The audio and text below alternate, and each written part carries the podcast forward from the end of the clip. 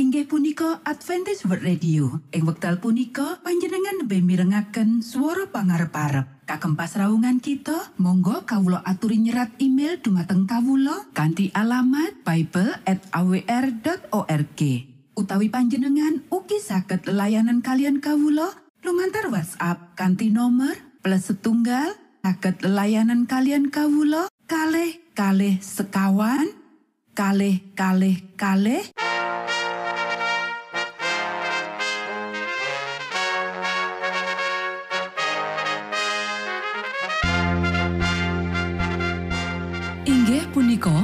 Adventis World Radio ingkang giaran kanthi basa Jawi. Tentrem Rahayu kula aturaken kagem para mitra kinasih ing pundi papan lan panggonan.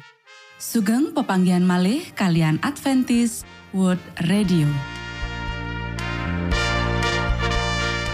Kanti bingahing manah Kulo badhe sesarengan kalian para mitra kinasih lumantar saperangan adicara ingkang sampun rinonci mligi kagem panjenengan sami.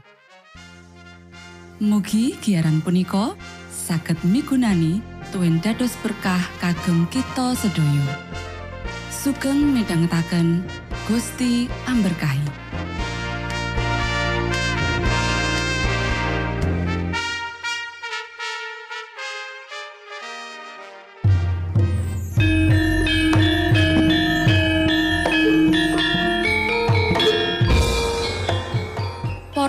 pamirsa kinasih ing Gusti Yesus Kristus. Ing wekdal punika kita badhe sesarengan ing adicara ruang kesehatan. Ingkang saestu migunani kagem panjenengan saha kita sami. Tips utawi pitedah ingkang dipun aturaken ing program punika tetales dawuhipun Gusti ingkang dipunnyatakaken ing kitab suci.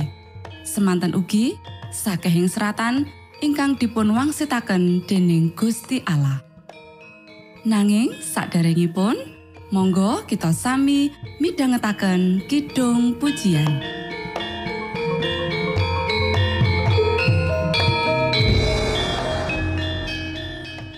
Monggo stiku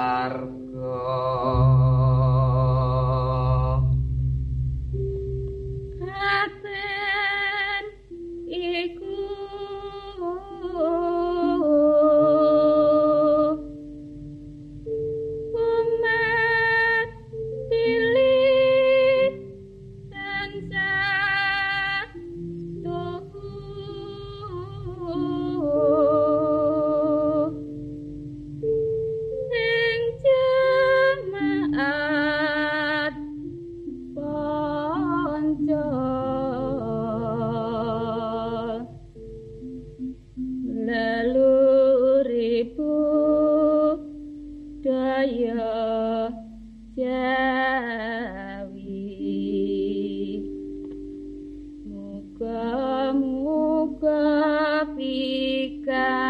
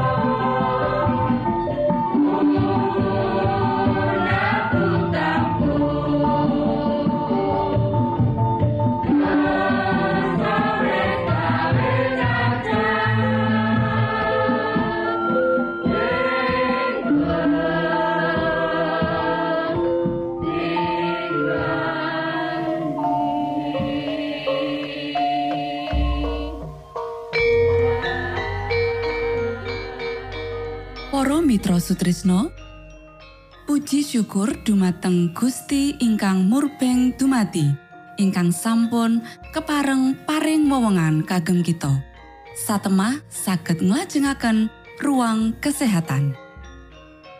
Pirembakan kita semangke kanthi irah-irahan woh-wohan lan jejanganan.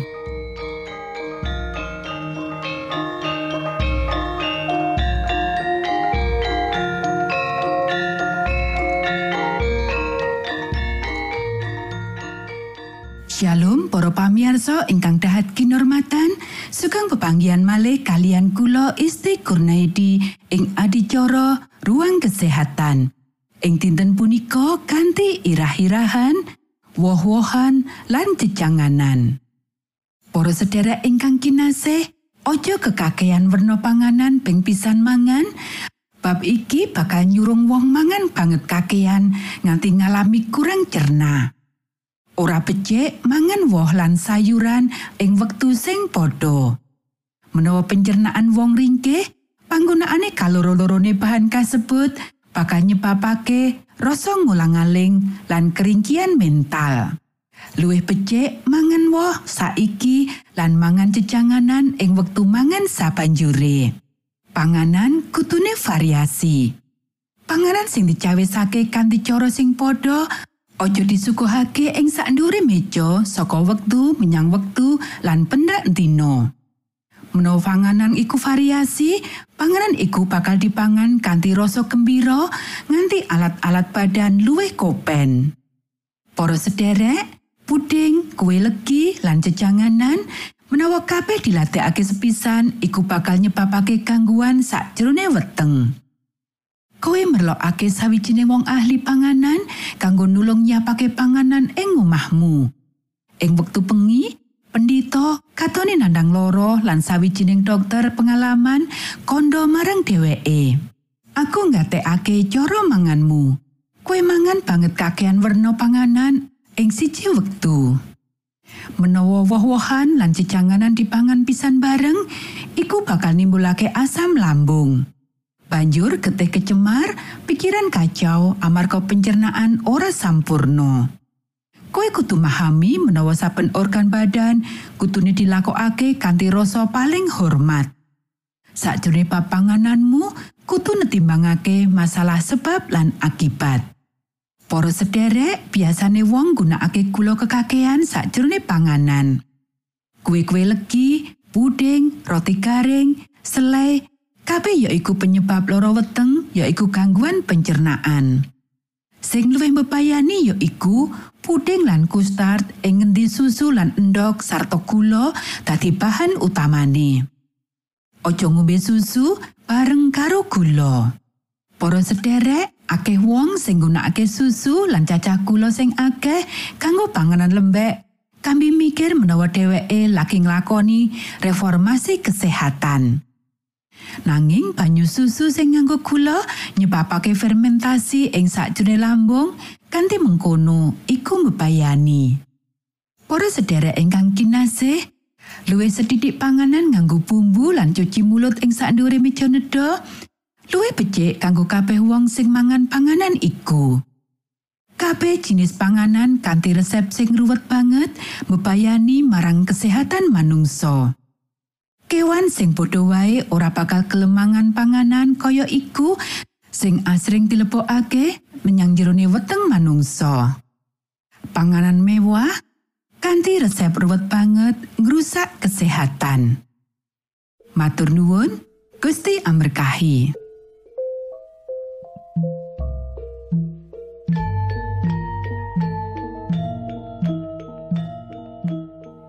Cekap semanten pirembakan ruang kesehatan ing episode dinten punika. Ugi sampun kuatos jalaran kita badhe pinanggih malih ing episode sak lajengipun.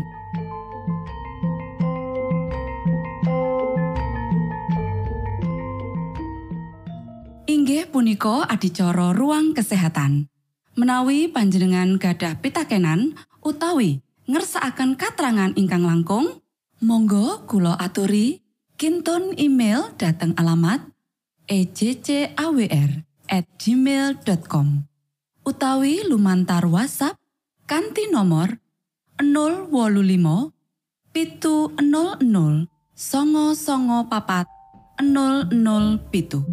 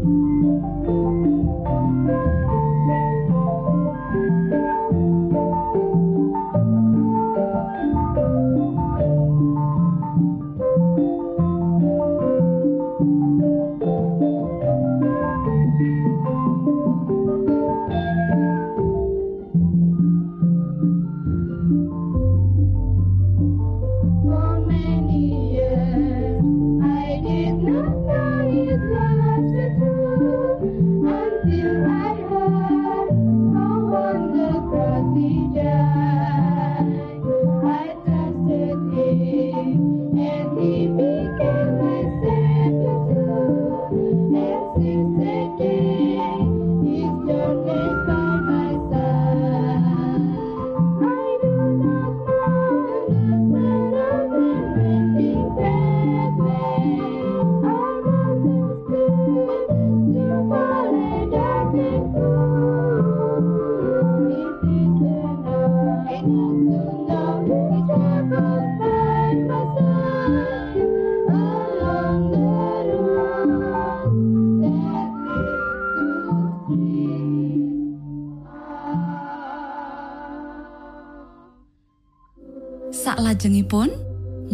Kita sami midhangetaken mimbar suara pengharapan. Angkat nafiri kanti pawarto Sang Kristus paderamu Pro umat samyo puji asmanyo Sang Kristus paderamu Inggih punika mimbar suara pengharapan. Ing episode punika kanthi irah-irahan.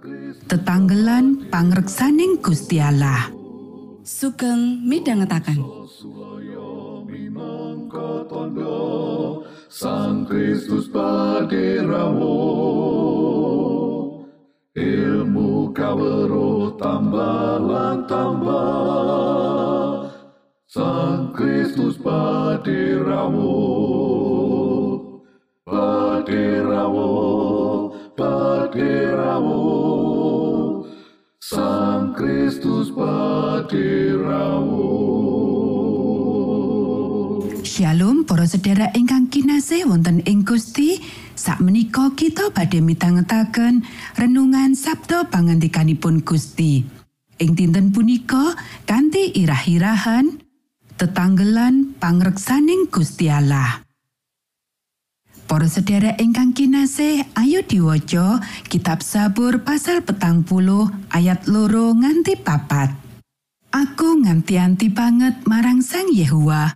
Nuli iya diuningani sarta pasambatku dipiarsakake. Aku dientasake saka luwenging pilai lan saka ing bladering rawa. Sikilku banjur dietekake ana ing parang, jangkahku dikukuhake. Apa dene cangkemku diparingi kidong anyar, kidong pamuji marang Allah kita. Akeh wong kang padha weruh temahan wedi lan banjur kumandel marang Pangeran Yehuwa. Para sedherek ingkang kinasih, Gusti Allah ngatingalake sarirane jroning kitab suci minangka Gusti Allah kang gesang kang tumindak kanggo wong-wong kang padha sambat ing ngarsane. Kanggo sang juru Mazmur, aku tansah madhep marang Sang Yehuwa menawa panjenengane jumeneng ana ing tengenku, aku mesti ora keku. Sabur pasal 16 ayat 8. Marga saka iku sang juru Mazmur tansah ngandelake lan sesambat marang Gusti. Kita bisa maca ing kitab Sabur pasal pitu ayat loro lan pasal songo ayat 11. Sang Yehuwa bakal miarsakake pasambate senaosa saka ing jurang kang jero banget. Kitab Zabur pasal telung puluh ayat siji lan loro. Kanti cetha banget, jelasake yen ora ana kahanan panguripan kang luput saka kuasane Gusti Allah kang dadi panguwasa. Kanti mangkono, sesambate sang juru Mazmur saipa kepepete ora nate tanpa pangarep-arep. Sawetara ing kitab Sabur pasal 1 selikur ngrayakake kuasa sang pangripta sakjroning panguripan pribadi kang setya tuhu. Kekuatan iki ana ing antarane kapisan panjenengane ora bakal marengake sikilku kloyoran kang ngreksa kowe ora bakal ngantuk. Sabur pasal 1 selikur ayat telu. Gambaran sikil minangka lelakone panguripan manungsa. Kita bisa maca ing Sabur pasal swita 6 ayat songo, pasal 119 ayat 105, ulang bebasan pasal telu ayat telu likur. Tembung mlaku ing basa Ibrani tegese nggambarake rasa aman kang Gusti paringi marang jagat iki. Sabur pasal 93 ayat siji lan ing pedaleman Sion. Sabur pasal 1 selawe ayat siji. Kang kapindo, kegambaran Gusti Allah minangka kang dadi rumeksane bangsa Israel kang ora ngantuk lan ora sare nyurati Gusti Allah sing tansah waspada lan sumadyo tumindak kanggo para putra-putrane. Sabur pasal 1 selikur ayat telu lan papat. Kang katelu, Gusti Allah kang reksa lan ngayomi. Sabur pasal 1 selikur ayat 5 lan 6. Iki ngilingake tugu mega rikala ing mangsa pangentasan. Pangentasan pasal telulas ayat selikur lan lorikur. Semono uga Gusti Allah tansah nyawisi pangayoman jasmani lan rohani kanggo umate. Kang kapapat, Gusti Allah ana ing tengenmu. Zabur pasal 1 ayat 5. Tangan tengen umume nuduhake tangan kang luwih kuat, tangan kang tumindak. Zabur pasal pitung papat ayat 11 lan pasal wolung ayat telulas.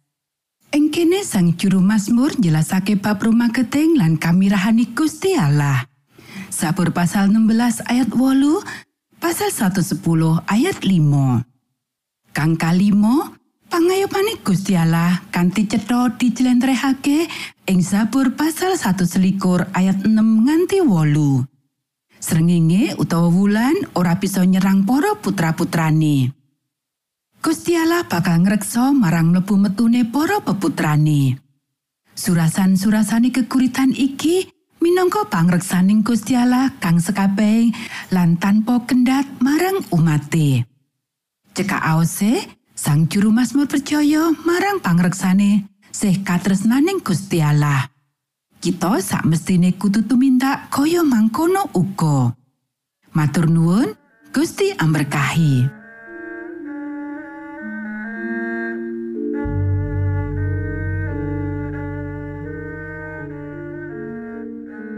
Para Mitra Sutrisno pamiarsa kinasih ing Gusti Yesus Kristus sampun paripurno pasamuan kita ing dinten punika menawi panjenengan gadah pitakenan utawi ngersaakan seri pelajaran Alkitab suara nubuatan Monggo Kulo aturi kinton email dateng alamat ejcawr gmail.com utawi lumantar WhatsApp kanti nomor 025 pitu 00 songo songo papat 00 pitu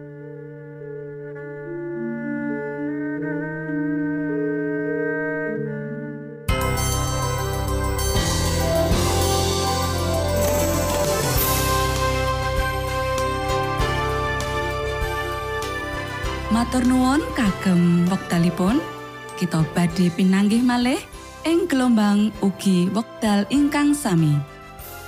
Saking studio kula ngaturaken tentrem rahayu. Gusti amberkahi kita sedaya. Maranata.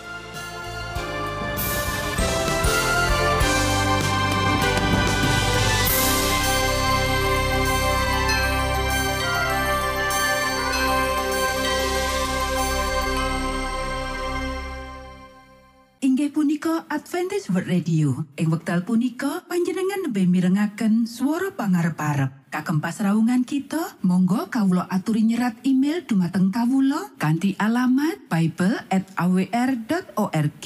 Utawi panjenengan ugi saged layanan kalian kawula lumantar WhatsApp kanthi nomor plus setunggal saged layanan kalian kawula kalih kalih sekawan kalih kalih kalih